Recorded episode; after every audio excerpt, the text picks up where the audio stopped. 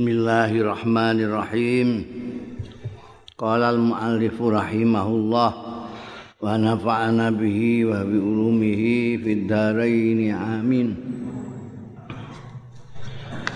Eh wa fi riwayatin lan iku sebutan suwijining riwayat liya di samping riwayat dhuwur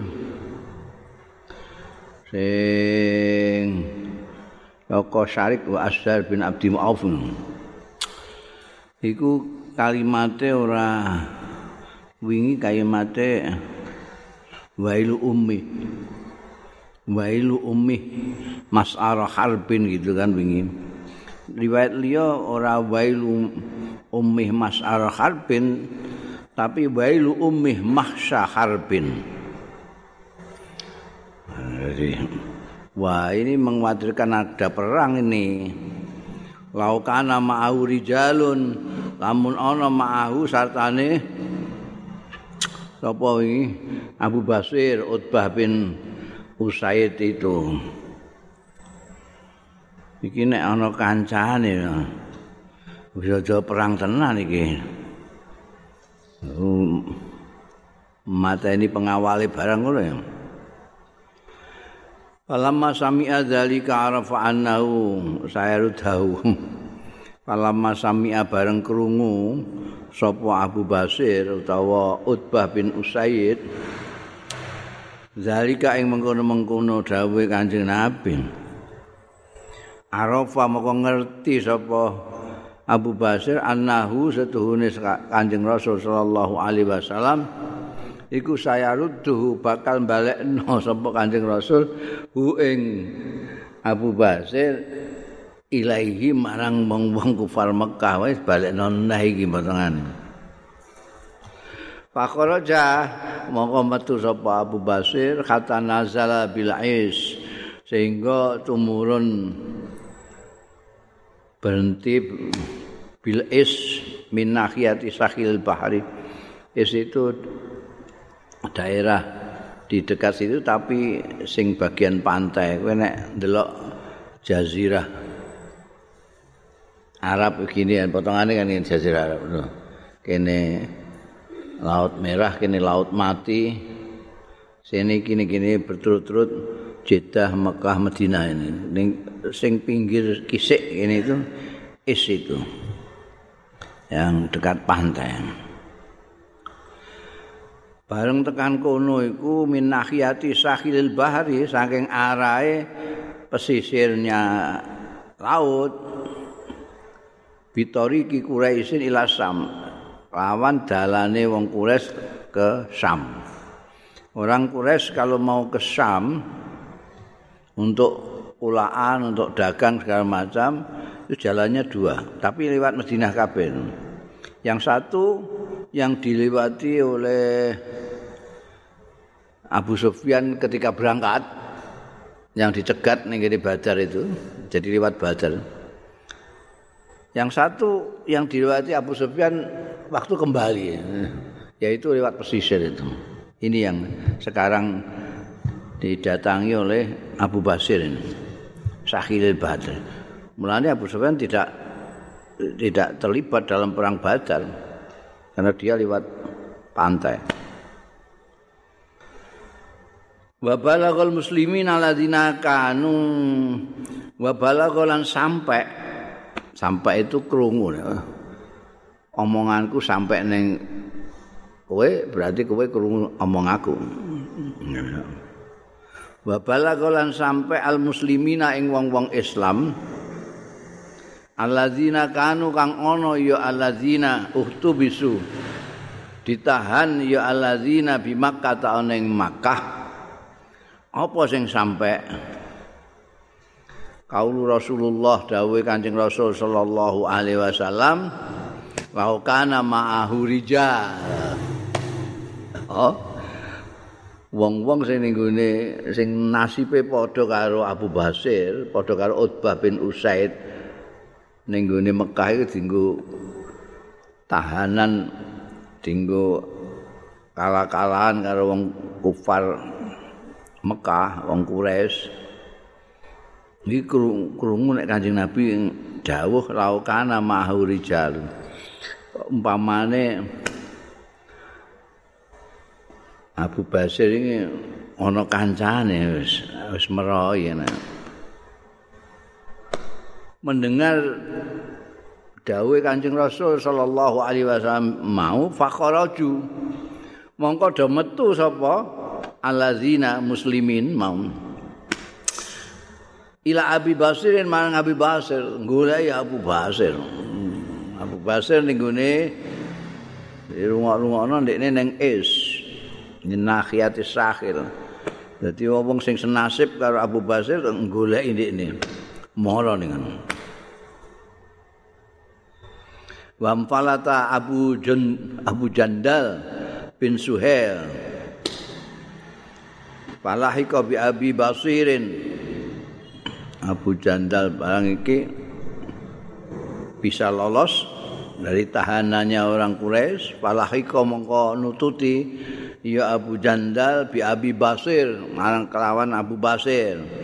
Fajtama'a ilaihi mongko ngumpul ilaihi arang Abu Basir sapa qaribun parek min sab'ina rajulan saking 70 ngumpul nganti hampir 70 orang. Sing bergabung ambil Nabi Basir mau. Fadayyaku ala Quraisy. Mamarrahum. Fadayyaku mongko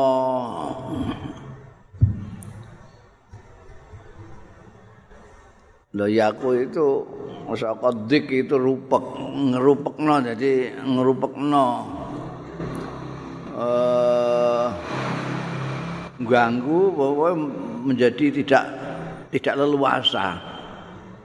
Ah, bahasa kok angel ini. Membikin tidak leluasa. Hmm. Itu doyaku.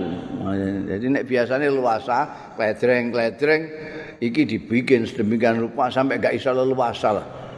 Iku doyaku apa cara batange? Ketop-ketop mesti ra roh. Wa doyaku ala quraisin membuat tidak leluasa atas orang Quraisy. Apa yang dibikin tidak leluasa? Mamarrahum. Lewatane Quraisy.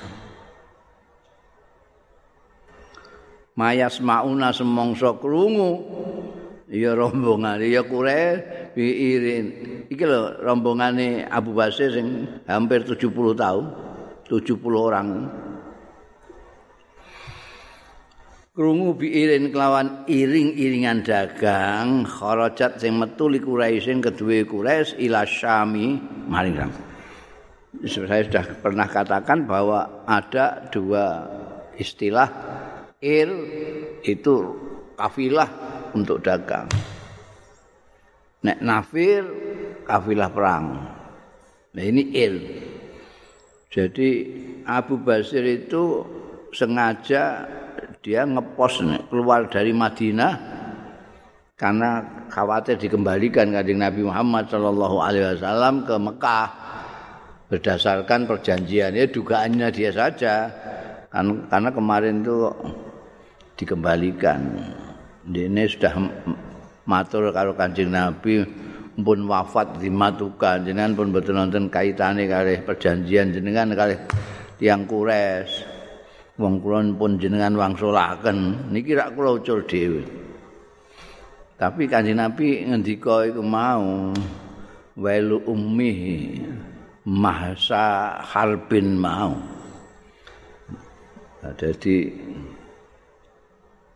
terus melayu nih gune sengaja milih neng es itu karena itu tempat lewatnya orang Quraisy kalau mau ke Syam. Dagang atau apa lewat kono. Kecuali lewat itu tadi ada dua. Kalau tidak sini ya sini. Kalau berangkatnya ke sini pulangnya dari situ. Ini kono ternyata bisa menarik perhatiannya orang-orang yang senasib dengan dia yaitu orang-orang yang ditawan oleh orang Quraisy di Mekah. Begitu bisa lolos gabung sama Abu Basir di is itu. Dan mereka terus kayak begal ngono. Jadi janji ono sing apa orang Quraisy mau ke Syam lewat satu diganggu. Fadayyaku ala Quraisyin mamarrahum.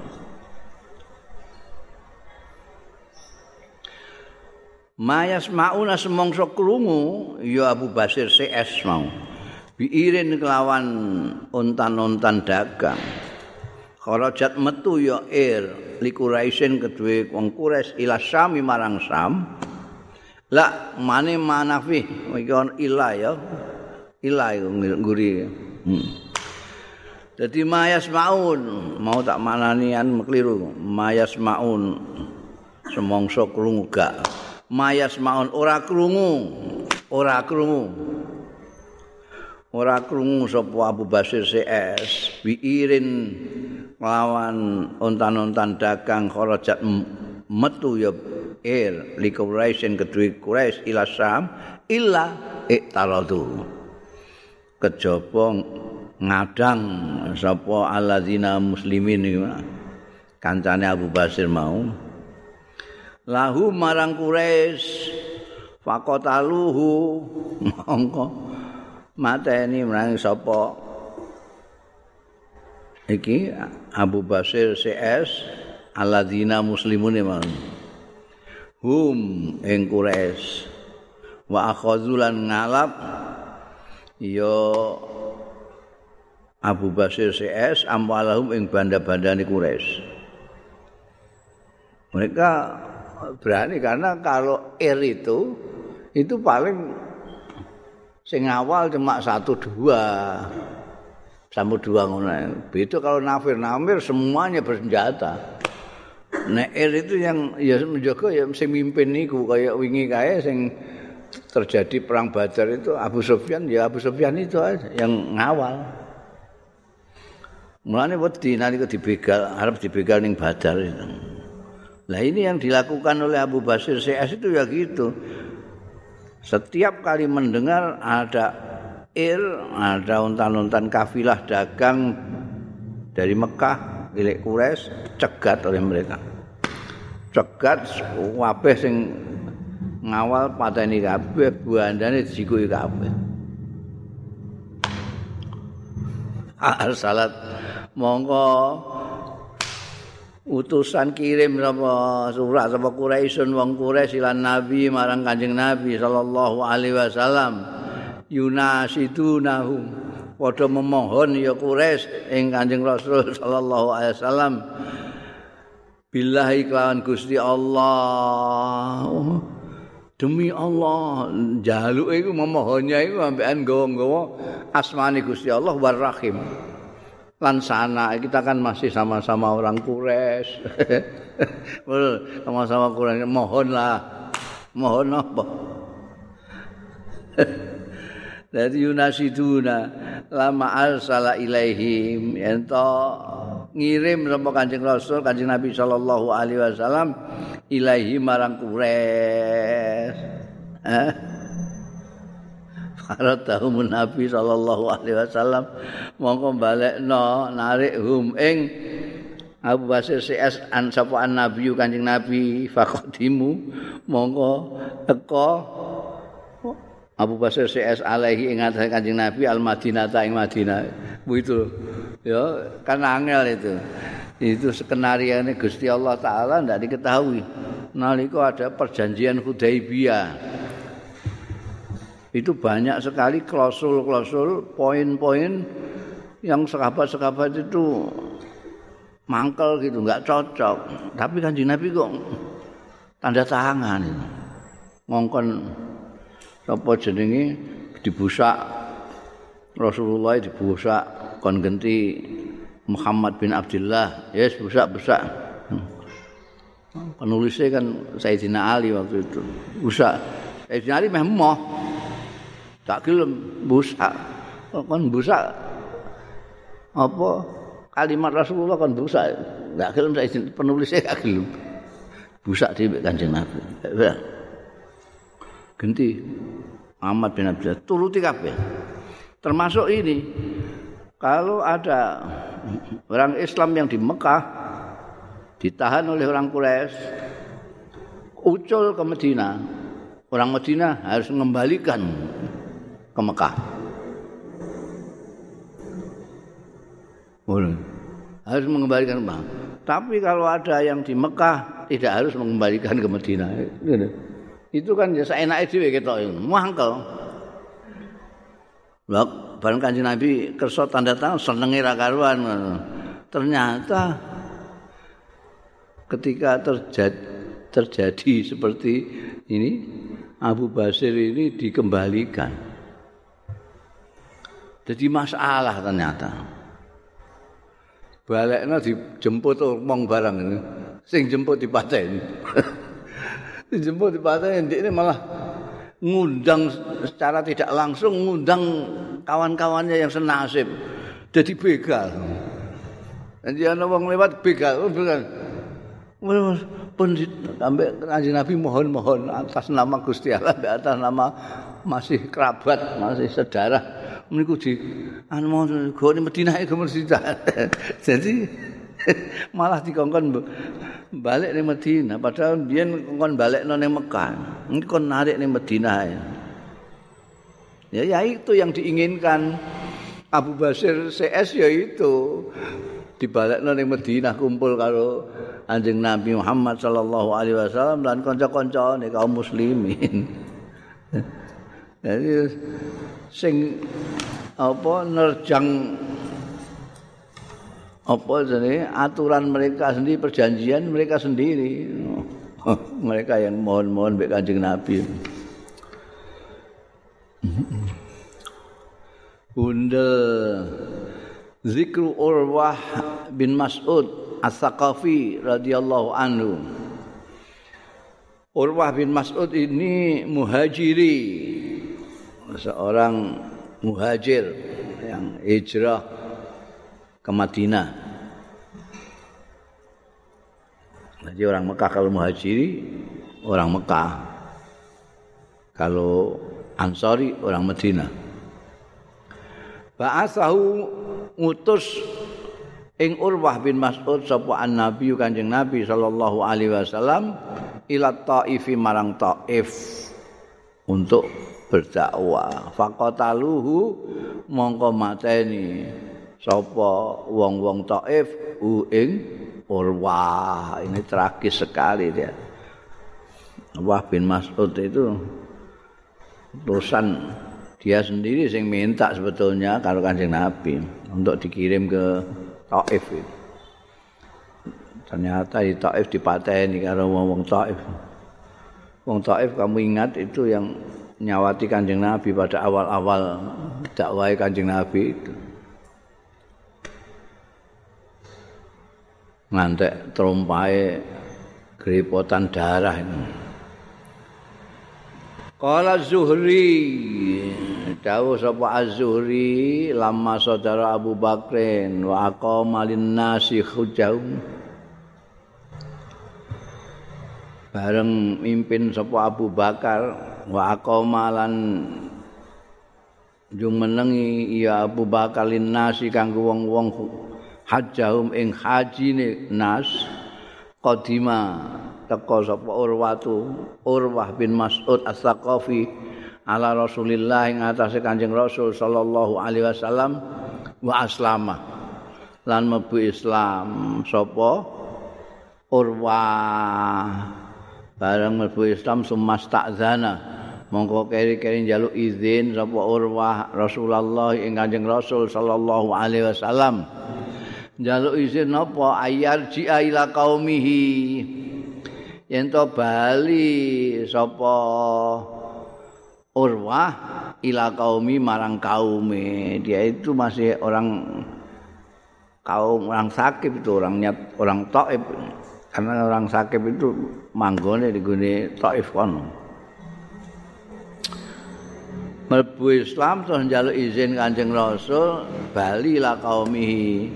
Faqala mongko dawuh sapa Kanjeng Rasul sallallahu alaihi wasallam inni akhafu ayyuqatiluka. Stune ingsun iku nguwatirna sapa ingsun ing ayu katiluka yen to merangi ya kaummu ka ing sira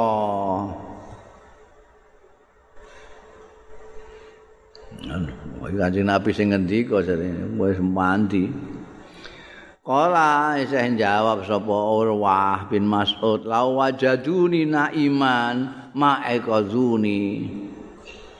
Boten tiang-tiang sae-sae kok la wajaduni lamun nemu kaum kula ni ing ingsun naiman ditemu naiman hale tilem kula ma'ekazuni boten ajeng gugah tiang-tiang ni kaum ni ing kula.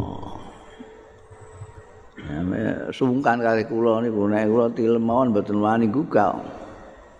Fa'azina lahu karena gitu ya sudah fa'azina mau ngizini lahu marang Urwah bin Mas'ud sapa Rasulullah Kanjeng Rasul sallallahu alaihi wasallam para ja'a mongko bali ya Urwah bin Mas'ud ila Taifi marang Taif faqadima asya isya'an. Mongko teka ya urwa isya ana wektu isya. Fajaathu. Pancene tenan fajaathu mongko nekani ing urwa. Sapa sakifun orang-orang sakif? Orang-orang taif itu yang sakif. Yuhayyunahu apa jenenge menyambut ahlan wa sahlan ya sakif ing Urwah pulang dari Madinah. Fada'ahu mongko ngajak sapa Urwah bin Mas'ud hum ing wong sakif ilal islami marang Islam. Wa nasahalahum lan nasihati sapa Urwah lahum maring kaume sakif sing nyambut iku mau. dadak balik grimpiang bang dijak Islam itu dinasehati. Fatahamuhu mongko nuduh-nuduh nyurigai ya. Sakif hu ing urwa wa asauhu lan durakani ya sakif hu ing urwa wa asma'uhu minal adza malam yakun yahsahum alaihi. Lan ngenek apa menimpakan ya sakib hu ing urwah. Minal adza nyatane piloro asma'u ma ing barang lam yakun kang ora ana sapa urwah yahsahum nguatirake ing sakif alaihi ing atase sama sekali tidak menduga. Oh dia selama ini itu orang pada menghormati. Sampai ketika kanjeng Nabi ngendika ini akhafu ayu qatiluka beliau wong tiang-tiang saya kayak kula sungkan kayak kula Ambae ngertos kula tilem mboten ajeng wani nggugah kula. Dan ketika datang, wah yang nyambut juga luar biasa itu prongbing prongbing.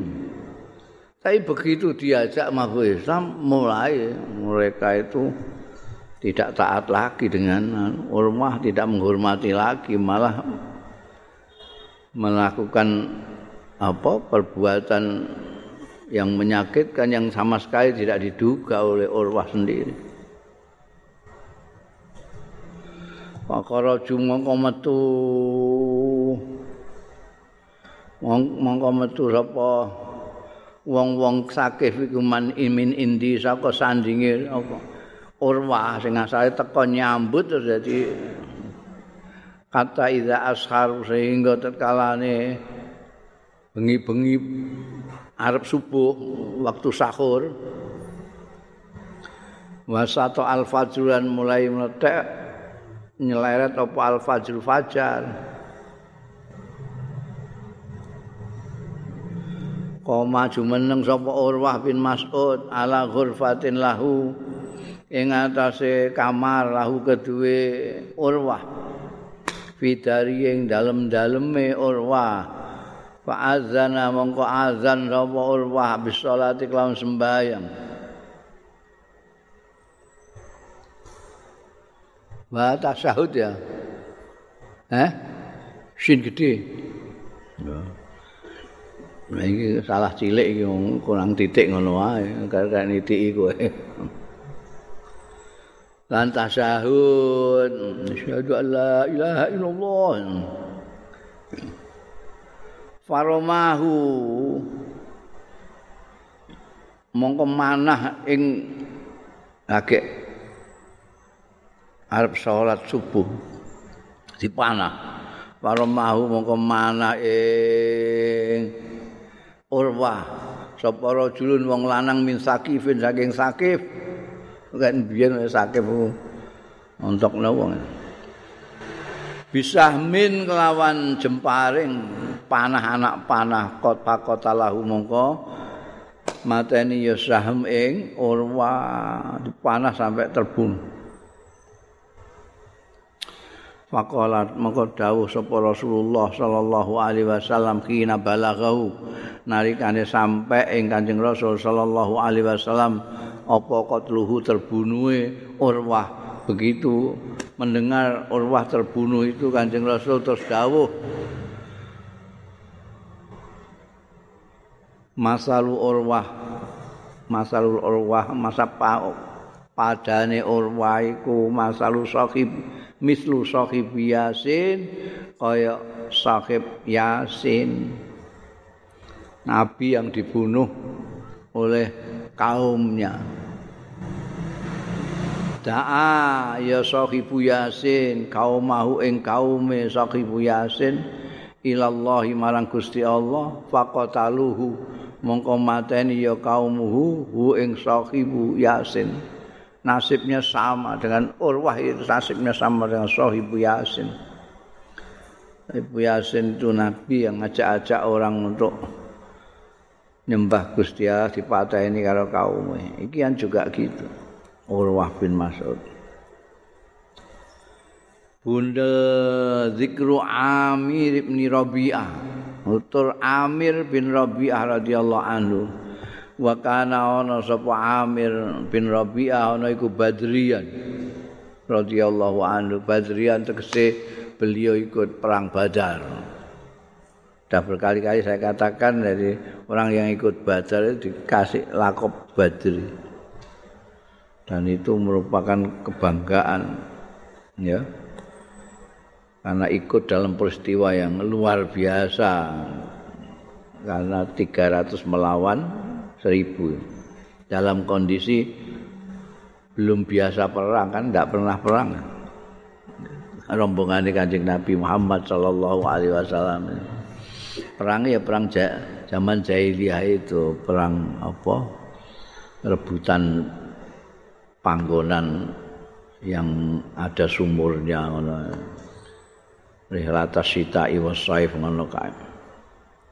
Perang sesungguhnya yang menggunakan persenjataan seperti pasukannya Abu Jahal kan tidak pada waktu perang Badar.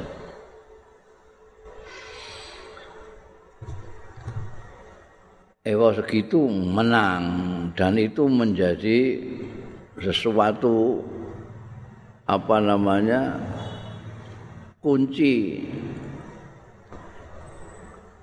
pertama itu membuka mata orang banyak bahwa tidak bisa disepelekan itu anjing Nabi Muhammad Shallallahu Alaihi Wasallam dengan pengikutnya itu nyatanya sidik iso ngalahno semuanya itu mulai pertama kali disegani oleh orang banyak. Karena itu mereka yang ikut itu disebut Al-Badri. Akhbarana Abul Qasil an Hamdan. Akhbarana ngabari ingsun sapa Abul Qasil Ahama Al Hamadani.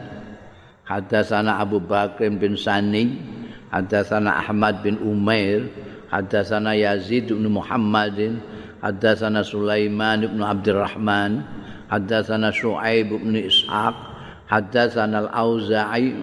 haddatsana Yahya bin Sa'id, haddatsana Abdullah bin Amir bin Rabi'ah. Tokoh kita sendiri. Kila diucapake lahu marang Abdullah bin Amir. Eh kila lahu kum bastaid billah minal fitnah. Hadasana Abdullah bin Amir bin Rabi'ah. Gila dingendikake lahu marang Amir. Kum ngateka sira jemenenga sira wastaiz billah lan nyuna perlindungan sira billahi kelan Gusti Allah minal fitnati saking fitnah allati a'adza minha sing melindungi sapa Allah minha saking lati fitnah ibadah ing kaulane Gusti Allah as-solihin sing saleh-saleh. Faqoma mongko jumeneng ya Amir bin Rabi'ah. Wa sallalan salat sapa Amir wa ja'alan donga sapa Amir.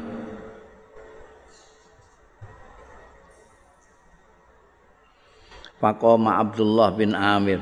Mongko jumeneng sapa Abdullah bin Amir putrane Fama kharaja min baiti. Mongko ora metu sapa Abdullah min baiti saking daleme Amir daleme Abdullah juga. Wong Abdul Abdullah iki putrane Amir bin Rabi'ah. Kata ukhrijat sehingga ditokno apa janazatuhu? Janazahe Amir bin Rabi'ah. Jadi anaknya sing cerita ya. Itu ketika ada yang menyuruh sembahyang jaluk perlindungan Gusti Allah dari fitnah sebagaimana Allah melindungi kawula-kawulane sing sholihin terus dia sembahyang salat ketika Abdullah bin Amir putrane metu min baiti ukhrijat jenazah itu jenazah bapak itu jadi berarti bar sholat barang bar dongo itu mau terus dipundut terus dialah ya mandi dongane dilindungi dari fitnah. Oh oh kapundut harus dilindungi dari fitnah. Itu Amir bin Rabi'ah Bunda Zikrul Ala bin Al-Hadrami radhiyallahu anhu. Ala bin Hadrami ke muhajiri, pendatang yang hijrah ke Medina. Dia ini amilu Rasulillah, petugasnya Rasulullah sallallahu alaihi wasallam alal Bahrain, ing atase Bahrain. Bahrain sekarang terkenal sebagai negeri yang kaya raya yang di daerah apa? Dekat laut mati. Ruya dan riwayatake an Nabi Hurairah radhiyallahu anhu.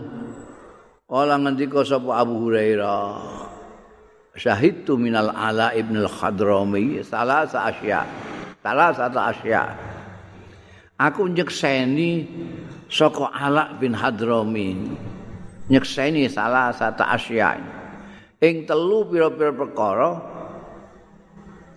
lam asyad sing ora nyekseni sapa ingsun min ahadin saking seorang pun qablau sadurunge al ala bin hadrami. Wala asyhadu lan ora nyekseni sapa ingsun hu ing hu ing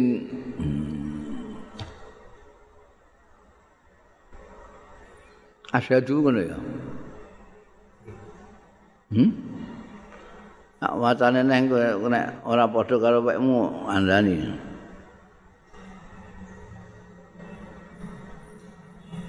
Kala Abu Hurairah syahid syahid tu minal ala min hadrami salah satu asya telu pira perkara lam asya sing ora tau nyekseni sapa ingsun min ahadin saking seorang pun qablahu sadurunge al-ala. Ada tiga perkara yang saya lihat pada ala yang tidak saya lihat dari seorang pun sebelumnya. Yes.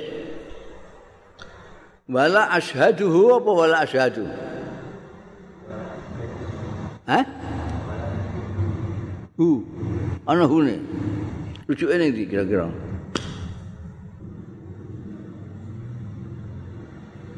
Ya rujuk ning mazkur, mong ora ana sing muzakkar ning sing rujukan gak ana. Wong sing dikandakno sing disekseni karo Abu Hurairah tiga tiga hal. Jadi jamak tiga. Mesti ini ha ora hu.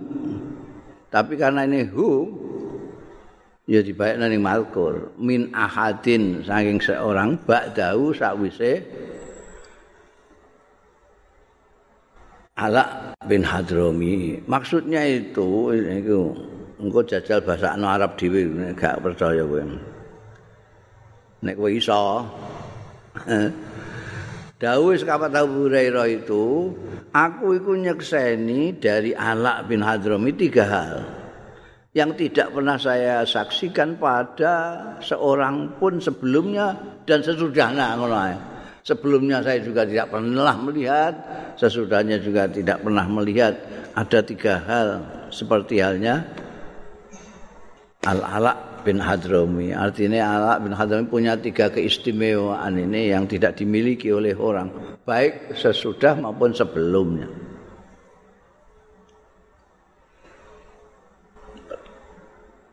Terus diuraikan oleh sahabat Hurairah, kuna ma'ahu. Ana sapa kita iku ma'ahu sartane Al-Ala bin Hadrami fi safarin ing dalam perjalanan.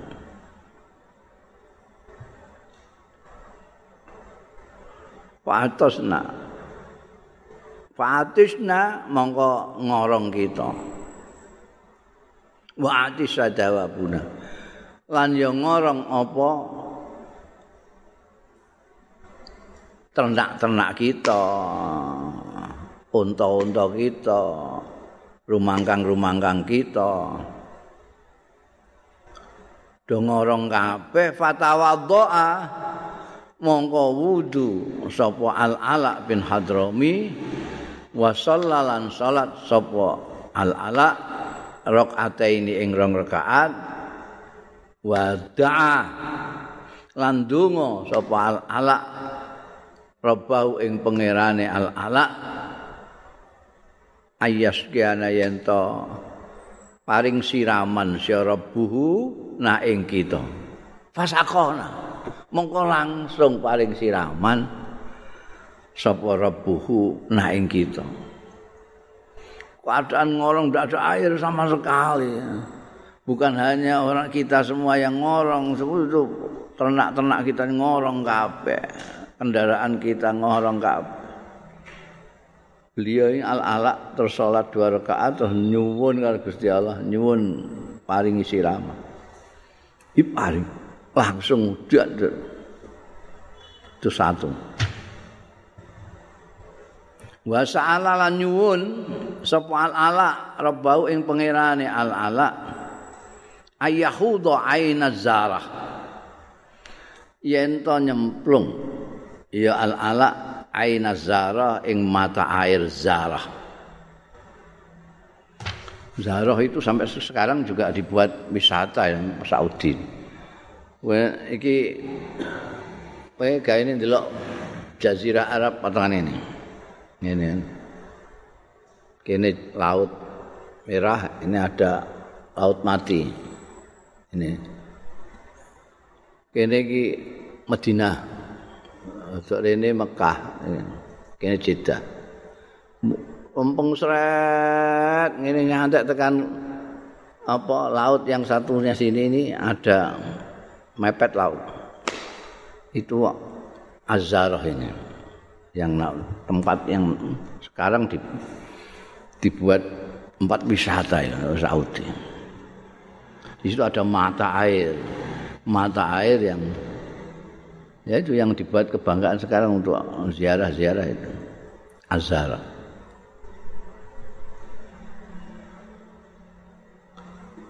Lendungo ngono iku terus langsung pamasaina mongko berjalan kita alaiha ing atase ainu zarah kata jawazna singgo ngliwati kita ha ing ainu zarah.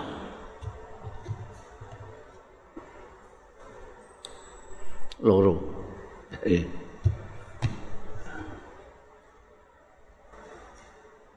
Wa kuntu fiman wa kuntu kuntu itu Abu Hurairah. Wa kuntu lan ana sapa ingsun iku fiman termasuk wong yang ada di dalam kumpulannya orang dafanahu.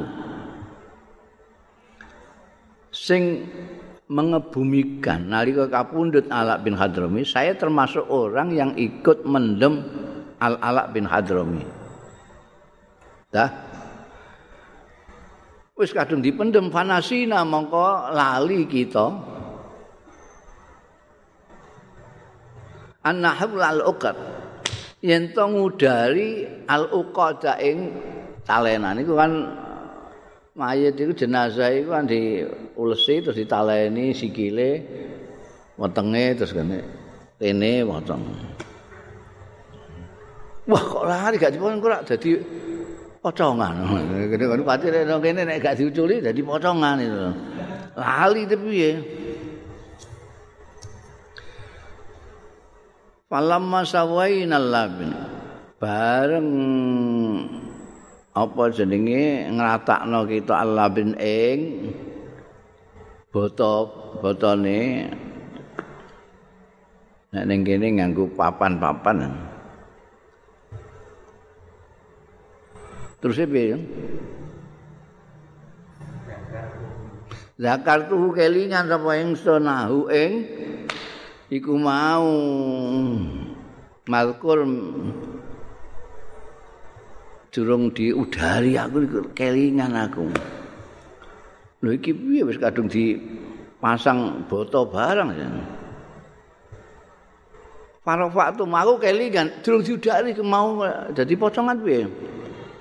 Para waktu mongko ngangkat sapa ingsun Allah binata ing boto. Boto tak coba ame tak udari ngono Sampai loyang landake ketok. Tapi falam aro mongko ora ningali sapa ingsun fil lahdi ing dalem liang landak iku sayan ing apa-apa. Kowe mbeli ayu tenan. Lagi bar dipendem dibukane ora ana. Jenazah ora ana. Sing memang udari apa ora ana? Itu al alak bin Hadud tiga hal ini tidak ada pada orang lain ya. Dungane dua kali mandi gitu. Yang ketiga jenazah hilang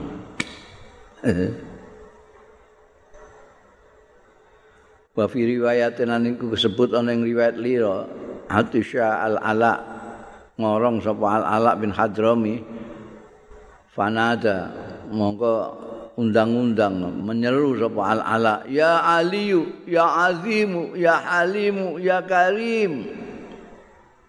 Wah kena mbok catet sob. Yo eh Ya Aliyu duh zat kang maha luhur ya azim sang maha agung ya halim kang maha aris ya karimu sing maha murah. Gembol kono langsung fasukia diparingi siraman sapa Allah langsung. Gak ana banyu ngorong ira karuan. Terima ya Aliyu ya azim ya halimu ya karim. Fasukia hmm. Wah, kepengin udan kowe gembor ngono ban. Mbah mandi mbah ora dijajal ae. Ah nek mbok siapa ngerti nek kowe kowe Al Ala bin Hadrami langsung kowe menjanjikan lagi nek mbok Fatihah isik. Inilah hadirin Nabi khususan ila sahabil jalil al ala bin al khadrami al fatihah terus lagi gembor ya ali ya azim ya halim ya karim. Entah ini still udan pokok ya kaya banyak ke gak bakat Bapak riwayatin lan iku sebut ana ing sisi riwayat. Dadi nek iki nek cara saiki ini wali lah. Iku sahabat yang bae wali ya wa fi riwayatin aniku sebut ning sucine riwayat lama abar al ala bin hadrami nalika nyabrang sapa ala bin al hadrami al bahra ing segara ila ahli darain maring ahli daren Daren dua dua perkampungan. Kala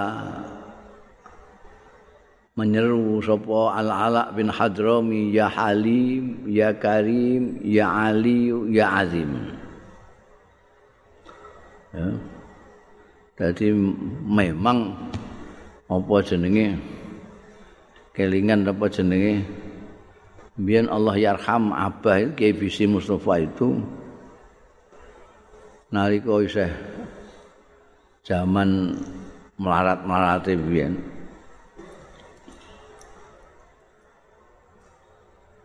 wis omah-omah tapi melarat. Oh iku wong nek melarat kan senengane donga. Jadi pula di samping apa jenenge nyambut gawe ambekan ora tahu keri sowan ning gone kiai-kiai sepuh. Khususnya sing sering di sowani iku Mbah Dongro. Mbah Ma'ruf Dongro iku terkenal waliullah ben. Eh, sak kurun mbek Mbah Manaf Lirboyo. Iku Mbah Ma'ruf dulu terkenal angger wong duwe karep apa-apa mara ning Mbah Donglo. Kedonglo Kediri. Nah iku angger-angger abah. Lalu donga iki dijazai dungane segala macam. Karena saking bolak balik eh karena sing terakhir sowan itu rembang. Jadi langsung di centok. Ambek mbah makruf rembang. Ini sing ngentek ngentek hidung aku. Dengan dintek no ambek anak Lah ternyata manfaat banget donga-dongane. Kok manfaat? Mergo mbek apa digawe kitab akibah itu. Kitab isi donga-donga itu. Tungane iki tungane nyape macam-macam ning ngene kitab akibah. Mandi cek ora pokoknya kitabnya laris. eh, bareng eh, iki rembang terus entek aku. Dongaku entek. Wis iki ae. Wis bar iki kowe gak usah rene neh wis gak apa-apa. Mergo iki sapu jagat. Apa iso mbok go? Dadi paringi Asmaul Husna iku. Kowe njaluk apa? Kowe njaluk rezeki, ya rezaku, ya rezaku, aja ping 1000. Oh ya Fattahu ya nek kowe kok kowe dedel temen gak mlebu-mlebu sinau. Ya Fattahu ya Alim ya Fattahu ya Alim waca terus ping 1000 nek isih dedel wacane 1000 kas hmm, oh kowe kecerae apa? Ini kebutuhan yang besar waca ya Syakur Dan itu harus dipraktekkan karo abah mandi terus. Ini Kiai Khalil itu kan tahu mukim ning Mekah itu tanpa sangu. Kiai Khalil. Nah, durung ana zaman saiki gak ana ngirim-ngirim barang gak ana.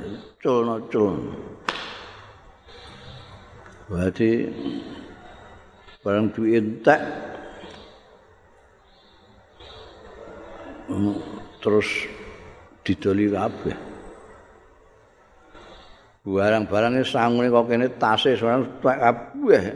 Kalau gak dia apa-apa kok didol kabeh. Sampai koper didol ora timo koper paspor didol. Paspor sing paling larang di paspor didol. Saking melarate jadi hari kok apa haji roh anak yang ngono was mulai mulai Lah mulai kan kudu nggo paspor. Lah paspor itu wis dituku mbek wong Madura. Ini ana wong Madura tukang nukoni paspor di mbah piye carane digenti fotone wong sapa sing kebutuh paspor. Iku ana perusahaan Madura bagian malsu paspor.